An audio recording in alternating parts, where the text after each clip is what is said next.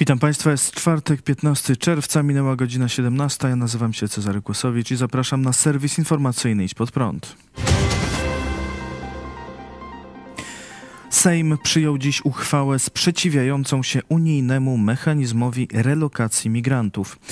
Chodzi o tzw. Tak pakt migracyjny zawierający system obowiązkowej solidarności. Polega on na tym, że z państw, do których trafia wielu imigrantów spoza Unii Europejskiej, co roku pewna liczba migrantów będzie relokowana do innych krajów Unii. Liczbę tę określono wstępnie na 30 tysięcy. Do Polski miałoby trafiać około 2000 osób rocznie. W przypadku odmowy przyjęcia relokowanych migrantów trzeba będzie zapłacić ekwiwalent pieniężny 20 tysięcy euro za osobę. Liczby te będą mogły być zmieniane.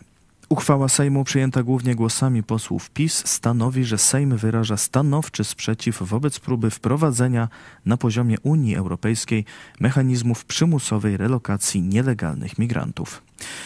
Nie zgadzamy się, aby państwo polskie ponosiło koszty społeczne i finansowe błędnych decyzji innego państwa członkowskiego Unii Europejskiej, stwierdzili posłowie. W uchwale podkreślono także, że decyzje w tak ważnej sprawie nie mogą być podejmowane poza kontrolą państw członkowskich lub wbrew nim z ominięciem zasady jednomyślności.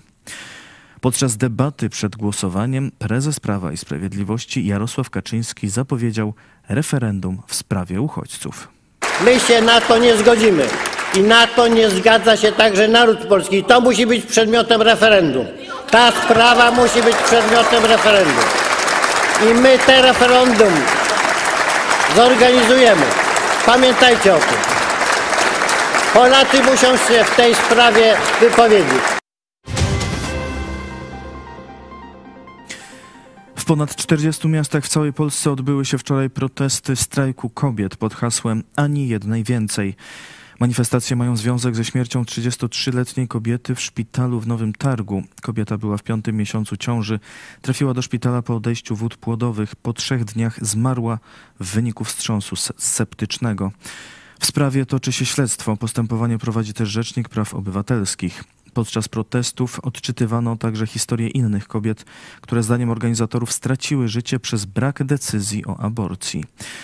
Manifestanci mieli transparenty z napisami PiS zabija, chcemy rodzić, nie umierać, czy chcemy wolności i prawa do rzetelnej opieki medycznej. W zapowiedzi wydarzenia na stronie ogólnopolskiego strajku kobiet zapisano Dorota z Nowego Targu nie żyje, bo polskie prawo antyaborcyjne zabija, a z lekarzy czyni politycznych sługusów zamiast ekspertów od ochrony zdrowia. Dorota nie żyje, bo lekarze się nie buntują. Tam, gdzie nie ma legalnej aborcji, kobiety umierają w szpitalach, bo personel medyczny zamiast ratować nasze życie i zdrowie czeka, aż wojewódzki konsultant przyjdzie do pracy i łaskawie zezwoli na zabieg.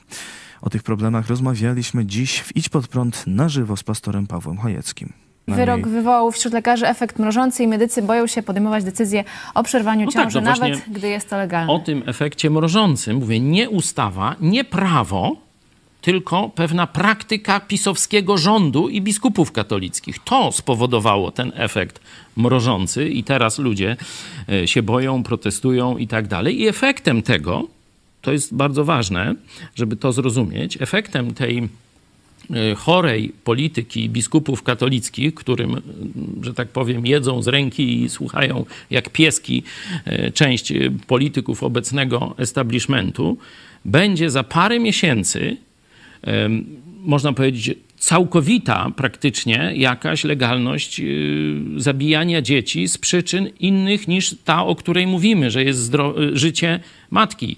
Będzie tam zaraz zdrowie, będą względy ekonomiczne, y, będzie jeszcze różne inne jakieś Każdy powód będzie dobry. każdy, czyli ilość zabijanych dzieci w wyniku działań PiSu z, wzrośnie nam lawinowo za, no, może nie parę miesięcy, to może będzie rok czy dwa. Tadeusz Cymański przechodzi do PiSu. Poseł Tadeusz Cymański był członkiem, a nawet współzałożycielem partii Solidarna Polska.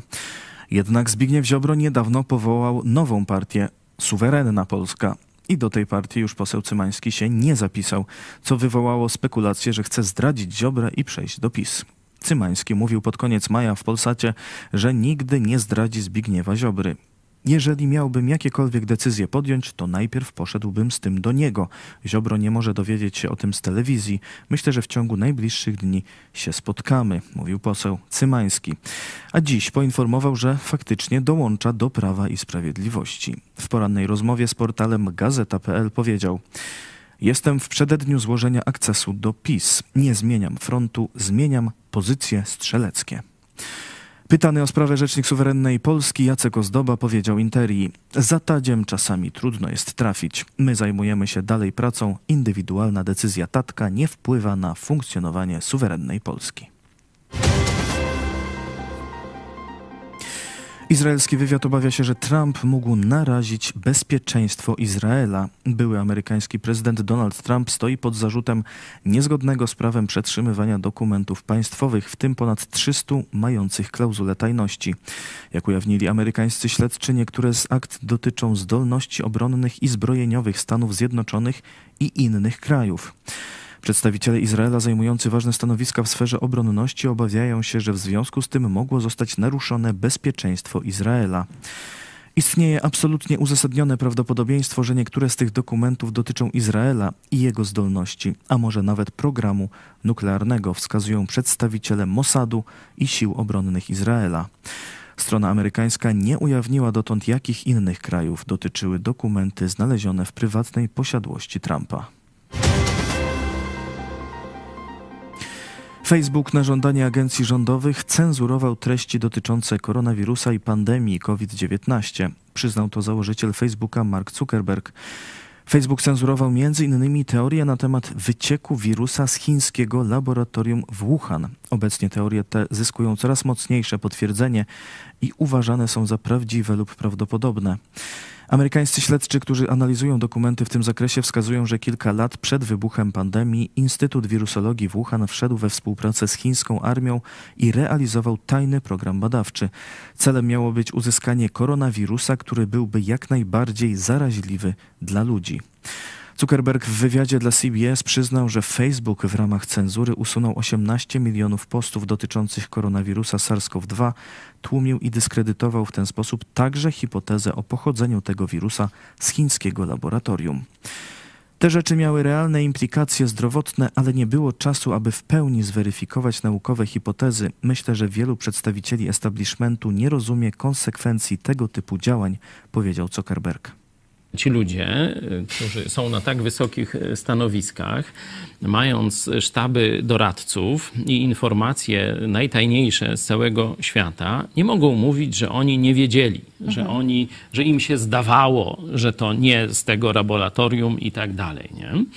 Myślę, że mamy y, do czynienia z ogólnoświatową siecią jakichś powiązań, które zbudowały komunistyczne Chiny, zbudowały je też w Polsce, w te wszystkie śmierdzące sprawy związane z komunistyczną agenturą, z COVID-em są ogromne, ale to, co my mówiliśmy, że to jest celowa robota Chiń, Chińczyków, chińskich komunistów, zarażenie świata i atak bronią biologiczną, to się, zobaczcie, potwierdza, w jaki sposób komunistyczne Chiny zostaną ukarane za tę zbrodnię przeciwko ludzkości. To jest kluczowe dzisiaj pytanie, bo do tej pory nie ma embarga, nie ma e, izolacji, nie ma sankcji przeciwko komunistycznym Chinom, chociaż podobnie jak Putin później rozpoczął wojnę, można powiedzieć, konwencjonalną, Chiny wcześniej rozpoczęły wojnę biologiczną i informacyjną z naszym światem i nie ma tego żadnych konsekwencji. Nie poniosły tego żadnych konsekwencji do dzisiaj. I to wszystko w dzisiejszym wydaniu serwisu. Dziękuję Państwu za uwagę. Kolejny serwis jutro o 17. A jeszcze dziś o 18 w telewizji Idź Pod Prąd kontrewolucja, chrześcijaństwo i Arystoteles, historia fatalnego związku. Zapraszam, do zobaczenia.